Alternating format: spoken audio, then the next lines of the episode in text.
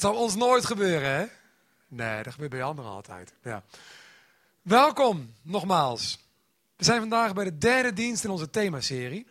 We houden er in de basis van om themaseries te doen. Gewoon een paar weken in een bepaald onderwerp eh, duiken, zeg maar. En vandaag is de derde dienst in de serie Nieuwe Ronde, Nieuwe Kansen. Wie van jullie was er vorige week of die week daarvoor? Ja, echt het merendeel.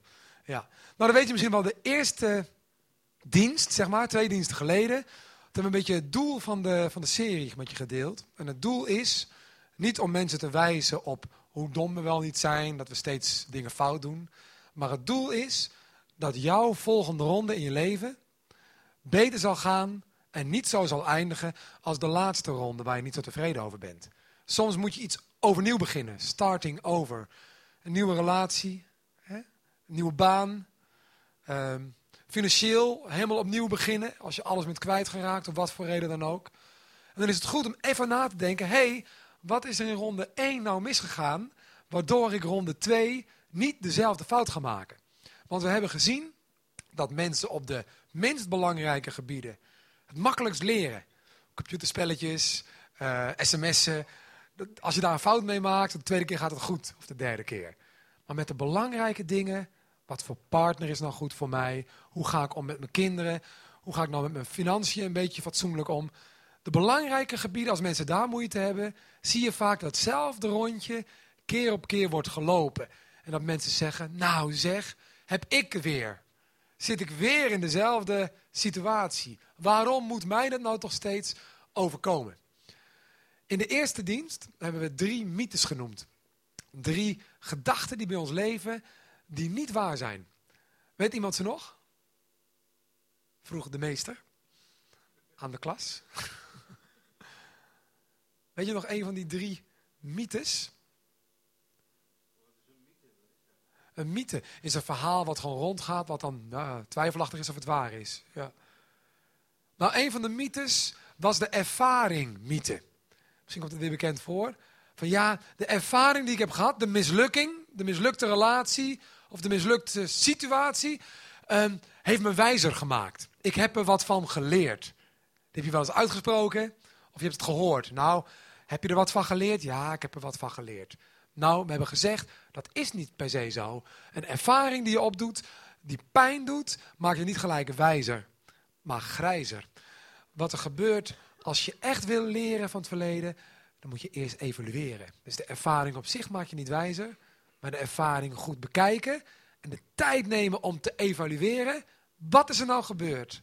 Hoe kwam het zover? Dat maakt je wijzer.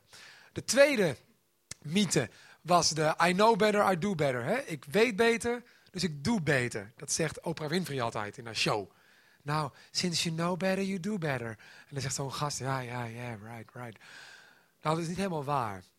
Het voorbeeld dat we noemden was, als je kinderen opvoedt, weet je, joh, het gaat niet om wat ze weten, het gaat erom wat ze doen. Soms zeggen je kinderen tegen je, papa of mama, of je zegt het zelf tegen je ouders. Dit heb je echt al honderd keer gezegd. Ik weet het heus wel. Ik weet het wel. En dan zegt je vader of moeder, of jij zegt het als ouder. Van ja, het gaat niet om dat je het weet, lieve schat. Het gaat erom dat je het doet. Ja, je moet luisteren, anders gaat het mis. Dus weten en doen zijn echt twee verschillende dingen.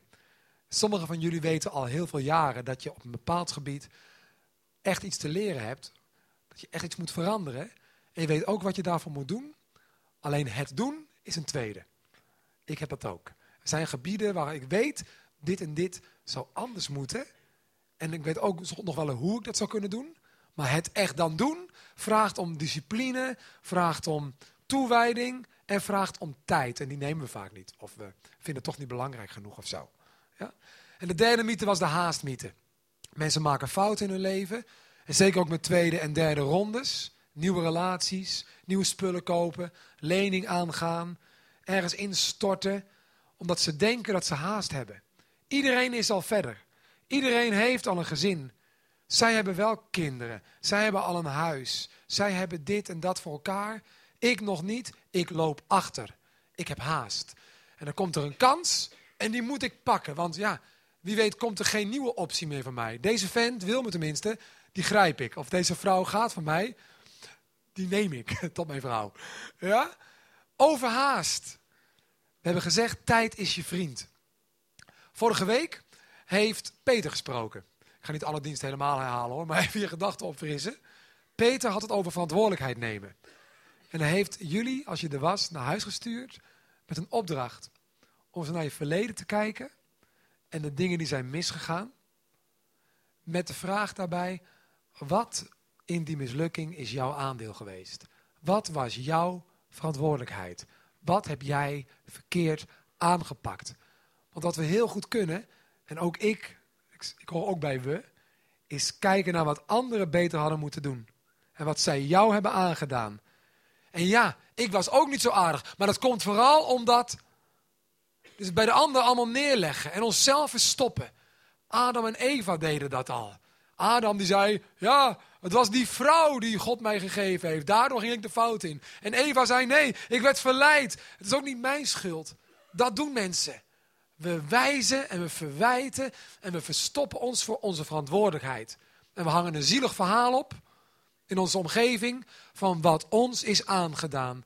En we oogsten sympathie en we oogsten, uh, nou ja, lieve reacties van nou, wat sneu voor je. Heb je echt niet verdiend, je verdient echt beter. Ik hoop dat het de volgende keer beter zal gaan. Wat sneu voor je dat je zo'n nare baas had. Dat kan die echt niet maken om jou te ontslaan. Dat verdien jij niet. En dat allemaal op basis van jouw verhaal. Maar ja, als die vriend of vriendin van jou met je baas zou gaan praten, komt er misschien een ander verhaal van die baas.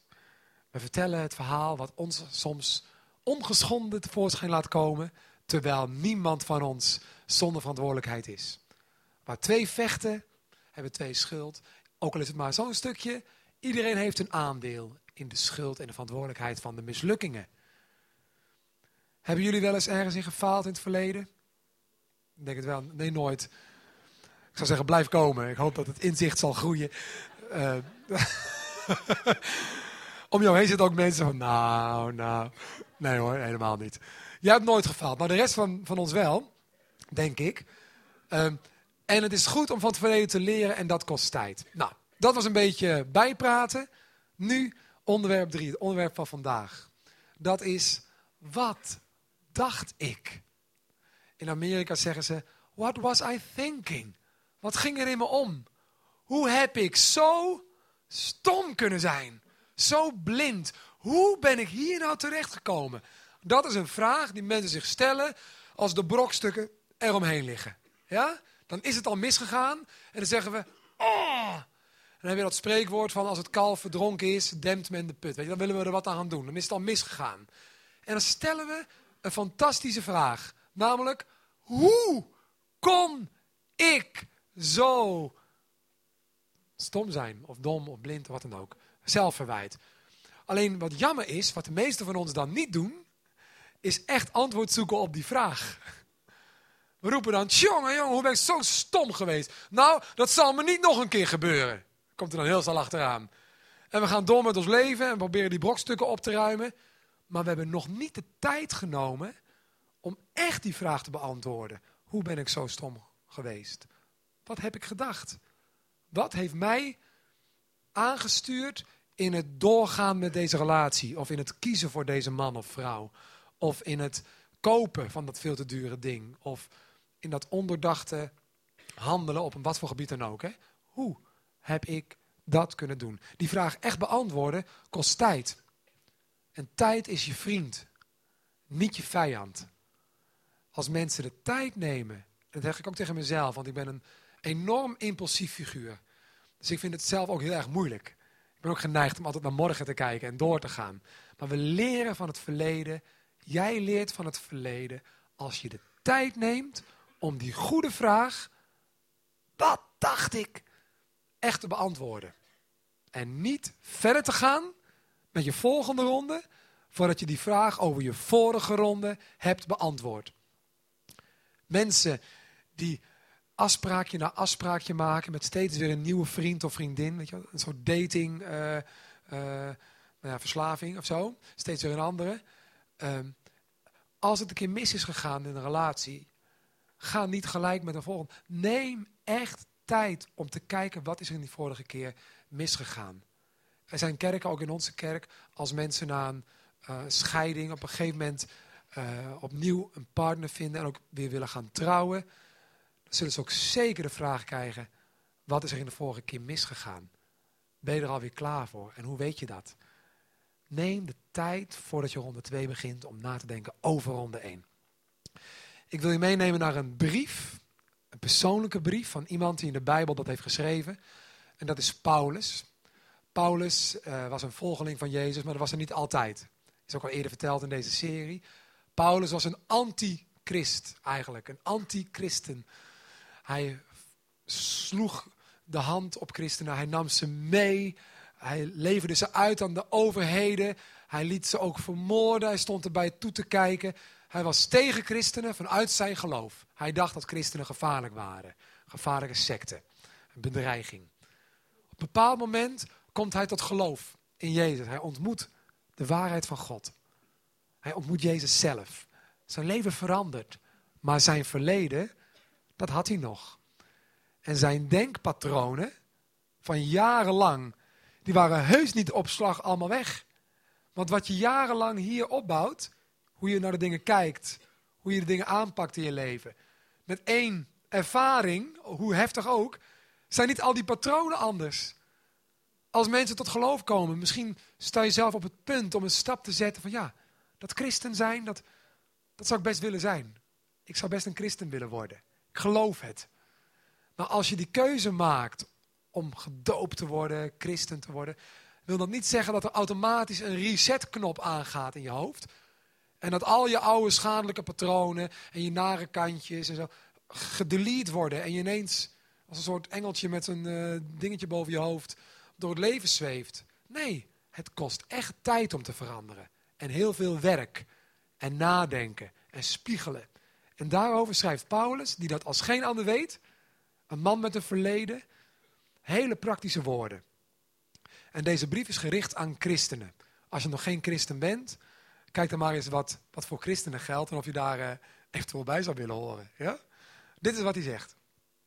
Broers en zussen, met een beroep op Gods barmhartigheid, dus hoe goed God is, vraag ik u om uzelf als een levend, heilig en God welgevallig offer in zijn dienst te stellen.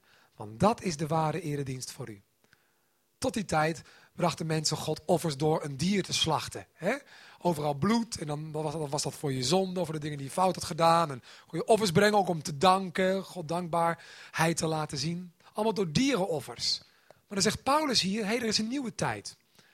En het offer waar God blij mee is, is jouw leven. Jouw leven is hetgene dat je als christen aan God geeft als een levend voorbeeld van hoe Hij voor je zorgt, wat Hij je heeft geleerd, hoe goed Hij is. Een christen wordt uiteindelijk een etalage van wie God is. Dat is hoe het bedoeld is. Dat jouw leven, dat toch God is gewild, geschapen, jij met je unieke eigenschappen, dat jij gaat leven met God en dat door te luisteren naar God en te groeien in je geloof, steeds meer van Hem zichtbaar wordt in je, door jou heen, uit je ogen, uit je handelen, uit alles. Dat is leven met God. Jouw leven is dus niet van jezelf als christen. Jouw leven is bedoeld om God te eren. En niks maakt je ook zo gelukkig dan dat. Klinkt misschien een beetje zwaar. Oh, het leven is niet van mezelf. Dus dan moet ik allemaal godsdienstige dingen doen de hele dag en geen leuke dingen. Nee, dat is het niet. Het is weten. God heeft mij tot zijn kind gemaakt. Ik hoor bij hem. Ik representeer hem. Ik ben een ambassadeur van God. In wat ik ook doe, waar ik ook ben, wat mijn beroep ook is, uh, waar ik ook ben.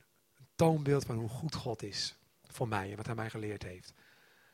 En dan zegt Paulus daarna, hoe je dat bereikt. Hoe ga je nou op God lijken? Hoe ga je nou betere beslissingen nemen? Hoe gaan jouw keuzes nou niet tot brokken leiden, maar tot zegen? Ja? Hoe ga je nou de goede dingen doen? Dan zegt hij dit. Vers 2. U moet uzelf niet aanpassen aan deze wereld. Maar u moet veranderen door uw gezindheid te vernieuwen, dus anders te gaan denken, van binnenuit, en zo te ontdekken wat God van u wil en wat goed, volmaakt en hem welgevallig is. hey, hier staat dus dat het mogelijk is voor ons om de wil van God te kennen. Hallo, God, de schepper van hemel en aarde, de schepper van jou, heeft een wil voor je leven. Heeft een plan voor je leven. Heeft principes voor het leven. En hij wil die met jou delen. Het is mogelijk, zegt Paulus tenminste, om de wil van God ook voor jou in je volgende stap te leren kennen. Maakt het God wat uit dan wat je volgende stap wordt? Ja. Waarom? Hij houdt van je. Hij heeft jou gewild. Hij heeft jou gepland. Je moest er zijn om Hem te leren kennen en je plekje in te nemen met wat Hij voor prachtige dingen heeft bedacht voor jouw leven. Het is mogelijk om die wil te leren kennen. Dat lijkt me gaaf. Om te leven in het centrum van Gods goede, vaderlijke wil voor mij. Hoe leer ik die kennen? Nou, Paulus zegt het in het begin. U moet uzelf niet aanpassen aan deze wereld. Maar veranderen door uw denken te vernieuwen. Wat dacht ik toen ik dat en dat deed? Vaak dacht je niet, als je op mij lijkt. Vaak deed je. En dacht je later, oepsie. Ja, als ik even had nagedacht, tot tien had geteld, of nog wat langer had nagedacht zelfs, had ik het niet gedaan. Of als ik ervoor had gebeden, als christen. Als ik over had nagedacht, had gesproken met een raadgever, die ook Jezus volgt, had ik het niet gedaan. Als ik open stond voor coaching en feedback en wijze raad, had ik het niet gedaan. Maar dat heb ik allemaal niet gekozen. Ik wilde niet. Ik wilde door. Ik had haast. Ik, ik, ik, ik dacht, ik weet het wel. Ik dacht, hou je mond. Het voelt zo goed. Of wat dan ook. Ik ga door. En later denk je, oepsie, zit ik weer in dezelfde cirkel. Veranderen van denken kost tijd. Toen ik christen werd, is nu 14 jaar geleden, ik was 20. Toen dacht ik echt serieus, heel even, dat ik nu een soort volmaakt uh, mens geworden was. Niet dat ik arrogant was geworden, maar ik voelde me zo gelukkig. En ik was zo vol van blijdschap, omdat ik Gods liefde had mogen ontdekken. Het was allemaal zo echt voor me, dat ik dacht, wow, ik ben nu zo vol van God. Er is geen eens ruimte meer voor mijn rotzooi of mijn nare kanten. Het is allemaal door God overroeld, zeg maar. Ik word nu door God geleid. Maar nu, 14 jaar later, als ik terugkijk naar de Martin van 20, die dacht dat hij echt uh, nou ja, het goed voor elkaar had, zie ik zoveel dingen nu, met de wijsheid van nu, die ik toen niet zag. Er was zoveel werk aan de winkel in mijn leven, zoveel te verbeteren, te groeien. Maar God liet het me niet allemaal in één keer zien, want dan zou ik depressief geworden zijn, denk ik. Het ging stap voor stap. Het is groeien. Het is een proces van vernieuwing dat toen begon en wat doorgaat zolang als ik kneedbaar en vormbaar, coachbaar ben. Door God en vaak ook door andere mensen heen die God gebruikt. Verandering van denken gaat niet in één keer. Maar dat willen we wel. Ik, uh, geef ook wel les op uh, de Evangelische Hogeschool, dat is uh, in Amersfoort. En op de Greffenmeerde Hogeschool in Zwolle. En op de HQ-school in, in Veenendaal. Allemaal jonge gasten en de meeste zijn gelovig. En soms komen ze naar me toe, zijn ze rond een jaar of 18, 19, 20. En dan hebben ze iets waar ze echt mee zitten. En dan zeggen ze, Martin, nou ja, de dienst heeft me aangesproken of zo. En ik moet echt veranderen op dat en dat gebied. En dat weet ik eigenlijk al heel lang. Wil je voor me bidden? Dan zeg ik, wauw, wat knap dat je zo eerlijk komt. En dat je durft te zeggen en delen. Dat is het begin van de oplossing. Gaaf. Ja, wat zal ik voor je bidden, zeg ik dan. Wat, wat is je verlangen? Nou, dat ik nooit meer porno kijk. Dat ik eerlijk zal zijn tegen mijn ouders. Dat ik uh, anders om zal gaan met mijn, uh, met mijn klasgenoot of zo. Een hele waslijst van dingen. Ja, en dat ik niet meer uh, onzeker ben. En dat ik uh, vertrouwen ga op God. En dat ik mijn hele leven in zijn hand leg. En dat ik hem echt ga volgen. En, allemaal hele grote dingen vaak. Hele grote idealen. En wil je dat voor me bidden? Dat God dat echt zal doen? dan denk ik altijd, uh, nou ja, oké, hoe ziet zo'n gebed er dan uit? Vader in de hemel, ik sta hier met Annabel. Nou, het leven is één grote puinhoop, Heer. Wilt u alles oplossen? Dat Annabel na dit gebed uh, niet meer bang zal zijn. Dat Annabel na dit gebed haar financiën op orde heeft. Heer, dat Anne na het gebed, Annabel na het gebed, goede relaties heeft met alle mensen in haar leven, haar familie en vriendenkring. Heer, dank u wel dat u het allemaal voor haar en in haar kunt doen, want u bent zo groot. Dank u wel, Heer, dat u haar God bent en dat u dat op dit moment ook allemaal voor haar doet. U bent geweldig, wat een wonder. Amen. Annabel zegt amen. Nou, dan kijk ik naar haar. Is het, was het een goed gebed? Ja, ja, het was een goed gebed. En dan krijg je een week later een mail. Wat denk je? Ze heeft weer ruzie gemaakt. Ja? En er kwam weer een deurwaarder langs. Het is nog niet gelukt om de leningen af te betalen. Um, ze, heeft, toch weer een keer gekeken naar waar ze niet naar, meer, naar wilde kijken. Of is toch weer te ver gegaan met haar vriendje, want het voelde allemaal zo goed. En weet ik veel wat er allemaal gebeurd is in het leven van Annabel. En dan zegt ze, oh, ik kan geen echte christen zijn, want we hebben het gebeden en ik meende het echt. En ik heb het God beloofd dat ik voortaan anders en ik zal echt voor u een vernieuwing van mijn denken en door de kracht van de Heilige Geest. En, nou ja, noem allemaal maar op, hè, wat christenen dan zo uh, uit uh, kunnen spreken. En ik ben helemaal niet veranderd. Ik doe het nog steeds. Ik, ik, ik ben vast een nep-christen, want als God echt in mijn leven was, dan was ik inmiddels wel veranderd. Dan zou ik niet steeds terugvallen in die oude patronen. God zal wel niet in mijn leven zijn. Is dat het echte antwoord? De goede conclusie? Nee. Paulus zegt in zijn brief, dat we net lazen, om zo een verandering van je denken in gang te zetten. En dat u voortdurend vernieuwd wordt in uw denken. Het stopt nooit. Verandering kost tijd. Tijd. Wat je hier in je hoofd gedurende langere tijd binnenlaat, waar je je mee voedt, dat zal op den duur je handelen gaan bepalen. En je denken, en je voelen, en je verlangens. Het allemaal te maken met wat je hier kiest toe te laten. En dat is de reden dat wij in deze kerk ook zeggen, hey, als je echt christen wil zijn, en sommigen van jullie willen dat, of zijn het al, voed je. Door hier te komen, maar niet alleen hier, Misschien ook wel naar een kleinere groep, wat we ook hebben, een, een, een, eh, at home. Of een, eh, een groep van vrienden in je eigen omgeving met wie je over het geloof kunt spreken, gelijkgestemden. Lees in je Bijbel thuis. De special at home is er ook. Ja, ga jij daar naartoe? Mooi, met het hele clubje zo. Te gek. Mooi. Of, of ik luister vaak in de auto naar preken.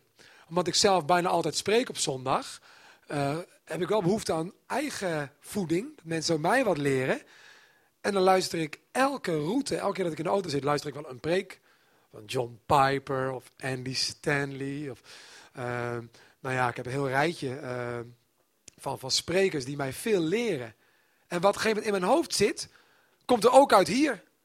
Maar wat veel belangrijker is, komt er uit in mijn leven. Wat je hier toelaat. Verandering van denken. Gods woord heeft kracht.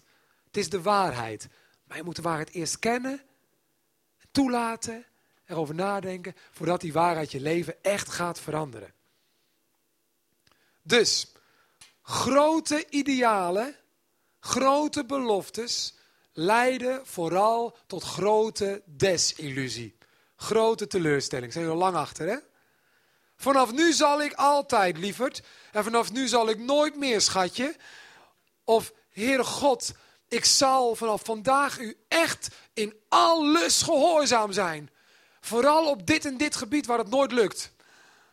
En morgen struikel je en denk je, oh, ik kom er nooit. En dan wordt een soort negatieve cirkel van zelfbeklag. En oh, het christelijk geloof is te zwaar en het werkt niet en noem maar op. Je moet omhoog. En dat is als je kleine stapjes durft te nemen. En langzaam verandert van binnenuit door de waarheid steeds te horen. Het oude moet er eerst af. Je oude patronen moeten afgebroken worden. En als je de Bijbel leest, dan kom je er vaak achter dat God het niet met jou eens is. Dat jij het niet met God eens bent. En er komen heel vaak momentjes dat je iets leest, of dat je iets hoort in een preek, en dat je denkt, oh, ik kom in opstand. Dit wil ik eigenlijk niet. Dit wil ik niet horen. Dit klopt niet met mijn leven. Ik doe dit anders. Ik wil dit anders. En dan steeds zijn er kleine momentjes van, met wie ga ik mee? Ga ik met God mee? Ga ik hem vertrouwen? Durf ik dit wat hij zegt toe te passen in mijn leven? Of niet?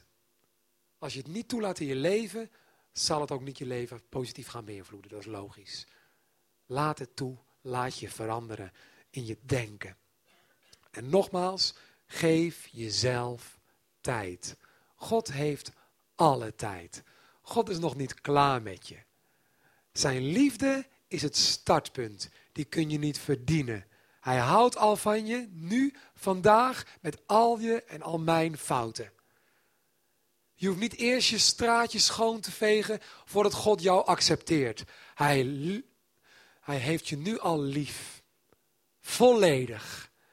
En als je het beste jongetje of meisje van de klas bent, wordt die liefde echt niet groter. Dat is het startpunt. En vanuit dat startpunt mag je gaan veranderen. En God heeft tijd. Laat je veranderen. Kies om na te denken. En bij grote keuzes tijd te nemen en nogmaals, ik zeg het weer, na te denken. En als je dat niet doet, dan ga je onherroepelijk mee in de stroom van de maatschappij. Wat iedereen vindt, wat iedereen denkt, wat iedereen op Facebook zet. Je gaat gewoon mee in de maalstroom. En Paulus zegt nou juist, pas jezelf niet aan aan deze wereld, maar vernieuw, vernieuw. Word ultra bewust. En maak wel overwogen beslissingen. In plaats van, ja, ja, doe maar wat. En ik hoop dat het goed komt. Ja? Ik sluit af met zeven dingen die jij misschien dacht. En dat doe ik heel kort hoor, die zeven dingen. Dat je niet denkt, jongen, jongen, wordt een ladertje. Dat valt wel mee. Zeven korte gedachten die jij misschien hebt gedacht toen jij in je eerste ronde, of je tweede, of je derde, of je vierde, toch weer de mist inging. Op een bepaald gebied waar jij steeds weer de mist ingaat. Net als ik die neiging kan hebben. De eerste, relatiegebied. Het gaat vaak mis. En dan zeggen mensen wel eens, oh, als ik de juiste persoon maar zou vinden. De persoon die juist is voor mij. Dan zou het wel gelukt zijn. Met andere woorden, ik was niet het probleem, maar die ander was het probleem. Maar als die ander de juiste persoon zou zijn, zo geduldig en lief en al die dingen die ik nodig heb, ja, dan was het gelukt. Eh, eh. Niet waar. Niet geheel waar, tenminste. Want in plaats van zoeken naar de juiste persoon, kan je beter je energie steken in je pauze tussen de twee rondes in, in het worden zelf van de juiste persoon. Word eerst eens de persoon die je zoekt. Werk aan jezelf. In plaats van te hopen dat je die perfecte partner zult vinden die het allemaal goed gaat maken. Die ga je niet vinden. En als je hem wel vindt, valt hij waarschijnlijk niet op jou. Waarom? Omdat die persoon ook op zoek is naar de juiste persoon. Als jij het niet bent, gaat het niet werken. Dus word de persoon waar de persoon die jij zoekt naar op zoek is. Heb je die nog? Word de persoon waar de persoon die jij zoekt naar op zoek is.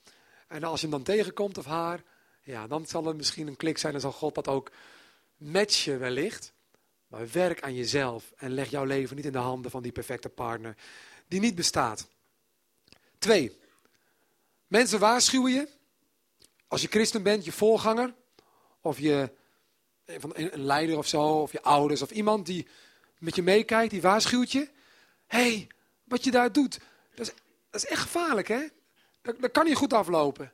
En dan zeg jij, ja, bij anderen is dat wel zo. Je hebt wel gelijk. Meestal is het ook niet goed. Maar in mijn geval. Ik heb echt een hele unieke situatie. Ja, wij moeten dit wel zo doen. Wij kunnen het niet op Gods manier doen. Want. En dan komt er een waslijst van smoesjes. Goed praterij.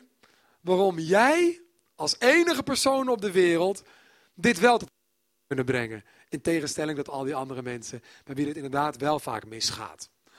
Snap je? Je houdt jezelf voor de gek. Als je ooit in een situatie komt waarop iemand in de basis, misschien als je hier eh, lid bent van de gemeente, naar je toe komt met een vriendelijk gezicht en een bescheiden houding en een liefdevol hart. En hij zegt tegen je, hey, ik, ik, ik wil niet uh, nadoen of ik wil, ik wil je niet een rotgevoel geven, maar ik hoorde van je keuze. En ik wil je toch eens uh, met je praten, want kijk, dit zegt God in de Bijbel, dit is mijn ervaring. Zou je dat nou wel doen? Het, het is niet goed, zegt God in zijn woord. En als jij dan denkt, ja, dat klopt, meestal, maar niet bij mij, dan sta je op het punt om een fout te maken. Want jij bent wel uniek, maar je situatie niet. Jouw situatie is gewoon versie 3050 van hetzelfde verhaal van zoveel mensen. Ja? Dus zeg dat niet tegen jezelf, want je houdt jezelf voor de gek. Jouw situatie is niet uniek. Het is goed om naar God te luisteren en naar wijze raadgevers te luisteren. De volgende heb ik ook vaak gehoord, uh, zelf persoonlijk ook. Ja, wat ik nu doe, het is niet verstandig en het is ook niet, als ik christen ben, ook niet naar Gods wil en Gods woord. Maar ik word er wel echt heel blij van. Ik ben nog nooit zo blij geweest. En God wil toch ook dat ik blij ben. Dus uh, ik kan dit wel doen. Want het voelt zo lekker. Ja, zij is zo leuk. Eigenlijk veel leuker dan mijn vrouw. En, en, en zij past eigenlijk veel beter bij me. Ik ben ook veel te vroeg getrouwd. Dit, dit is eigenlijk veel leukere vrouw voor mij. En, en ja, ik ben zo dankbaar dat God deze nieuwe partner op mijn pad heeft gebracht. En dat je soort geestelijk sausje giet over jouw ongehoorzaamheid. En nogmaals, dit is voor christenen. Op het moment dat je weet, dit is schadelijk, want God zegt nee en ik doe ja, dan doe je altijd jezelf een andere tekort. Altijd. Ook al ben je nu blij, overmorgen denk je, ai, ai, had ik maar, hoe heb ik zo, enzovoort. Wat je nu blij maakt, kan je overmorgen laten huilen. Eén moment, zei opa, van onbedachtzaamheid kan maken. Hebben jullie niet zo'n opa? Dat men jaren strijdt. Ja? ja. Dus dat. Praat je fouten niet goed. Dat doen we wel, doen we allemaal. Want we willen gewoon door met wat lekker voelt, ook al is het niet verstandig. Toch? Vaak weet je al van tevoren, terwijl je begonnen bent, klein stemmetje, doe nou niet. Maar je denkt, st, en je doet het wel. Dat je denkt, ah, kom wel goed joh, kom er wel mee weg. En dan komt er niet mee weg. Volgende. Um, als ik dat en dat heb, dan ben ik gelukkig. Dat heeft sommigen van jullie gedreven in de schulden. Als ik die keuken heb, oh, ik, of als ik dat huis heb, is, ik moet er wel echt heel wat voor werken. Top hypotheek, maar als we daar dan wonen, oh, ik verlang er zo naar. Kijk er zo naar uit. Als ik daar woon, dan ben ik gelukkig. Als ik die computer heb, dan ben ik gelukkig. En je kan er niet van slapen haast, want morgen ga ik het kopen. Ja, dan heb ik het. En dan heb je het. En dan? Ben je dan voor de rest van je leven gelukkig? Sommigen wel, als ze goed hebben nagedacht over wat ze kopen. Maar heel veel mensen niet. Want ze verlangen daarna gelijk naar de volgende stap. Het is een trek, het is een lust. En mensen steken zich in de schulden en worden ontzettend ongelukkig van alle dingen die ze niet echt nodig hadden. Maar ze dachten, ergens, als ik het heb, dan. Dan. Ja. Think again. Denk nog een keer na. Ik heb er recht op. Zo'n ding. Ik heb er gewoon recht op. Ik heb zo hard gewerkt. Nu mag ik gewoon wel eventjes. Ja, het is niet verstandig. Nee, het is niet goed ook. Nee, het is ook niet wat God wil. Ik weet het allemaal wel. Maar hallo, mag ik ook een keer? Ik heb er recht op. Dat je dat ergens denkt. En iedereen en nu ik. It's my turn. It's mijn tijd. Ja. En zo voor het weet, ga je met jou, al je rechten ga je gewoon de verkeerde kant op. Uh, ene laatste, geheimen. Sommigen van jullie hebben ontdekt wat geheimen doen met je relaties.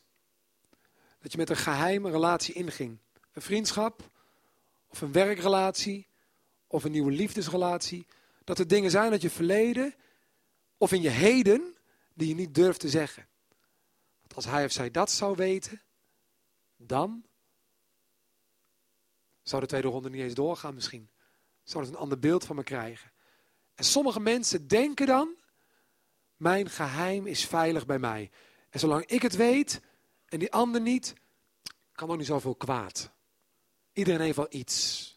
Het hoeft ook niet aan een grote klok enzovoort. Geheimen hebben een nare, ehm, een nare bijwerking. En dat is dat ze kruipen in de relaties die het meest dierbaar zijn. En juist die relatie waar het je allemaal om gaat, waardoor je het geheim denkt te moeten bewaren, zal er het meeste last van krijgen.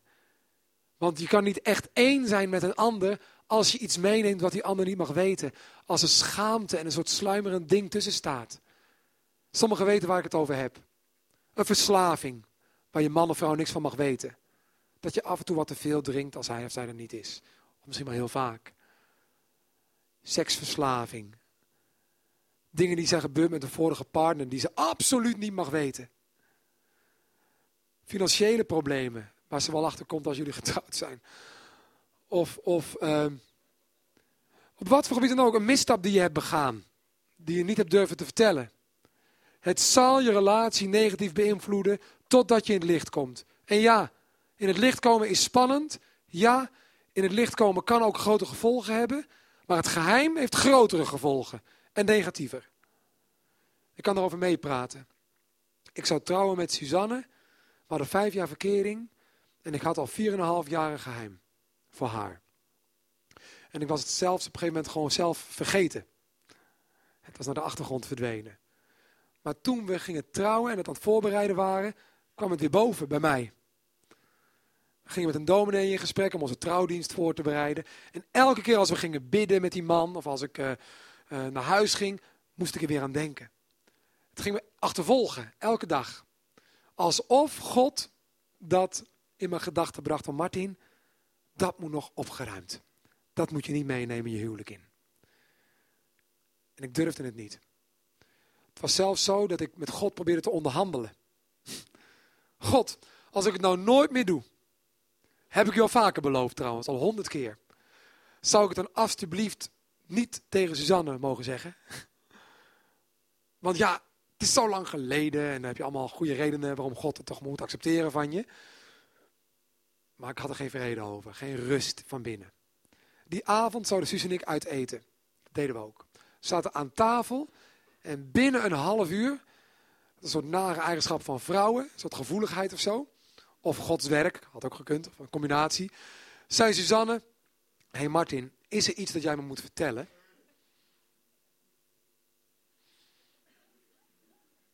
God, alstublieft. Ik durf dit niet. Nee, want zo, ja, ik heb zo'n idee dat toen in die periode, 4,5 jaar geleden, zo'n beetje, in die tijd, toen jij daar woonde en ik hier, daar ben je van mij nooit helemaal eerlijk over geweest.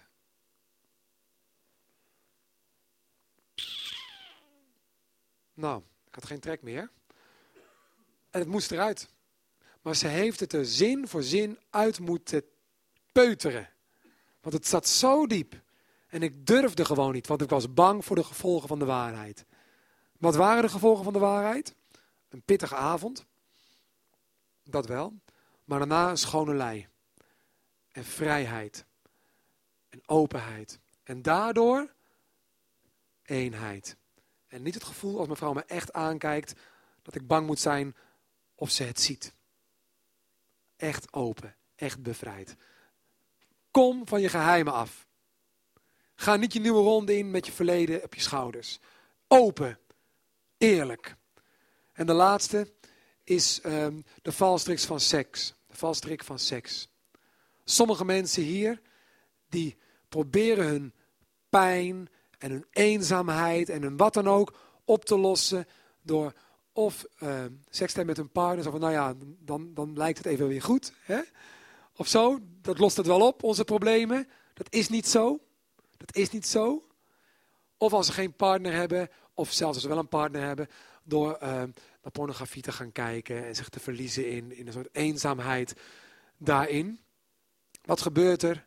Het geeft je misschien even afleiding en even een soort van opluchting, maar daarna een diepe gevoel van eenzaamheid, minderwaardigheid, pijn, isolement, schaamte, noem maar op. Los ook dat niet zo op. Kom in het licht. Stel je leven in dienst van God. Geef je leven aan Hem die van je houdt. En begin vandaag nog een proces van vernieuwing. En zeg tegen God, als je dat zou willen, en tegen je partner, ik ga dat proces in. En ik besef dat het proces nooit klaar zal zijn. Dat ik altijd verder kan daarmee. U bent nog lang niet klaar met mij. En daar ben ik blij mee. U bent geduldig en u bent aan het werk in mij. En ik wil luisteren naar uw woord. En ik zal wat ik hoor onthouden en toepassen. En ik zal erkennen dat ik vaak fouten zal maken, maar dat ik terug kan vallen op uw trouw en genade. En ik zal doorgaan, want ik wil lijken op u. En ik wil dat u door mijn keuzes heen en mijn volgende ronde heen zal stralen. En dat mensen zullen zien, wauw, wat ben jij veranderd. Ik had nooit gedacht dat jij zo'n huwelijk kon hebben. Dat het zo goed met jou zou aflopen. Hoe heb je dat voor elkaar gekregen? En dan zeg jij, want dan ben je heel nederig geworden tegen die tijd. Dank u, Heere Jezus. Mag ik voor jullie bidden? En het muziekteam zouden jullie willen komen. Ze staan al een half uur klaar zo'n beetje. Bij voorbeeld 2 stonden ze er al.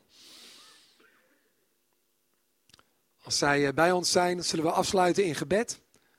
Maar het gebed is geen afronding. Het is meer een soort, soort startschot van jou inschrijven in de school van God. En daarna gaan we een lied zingen. Machtige Heer, grote Verlosser.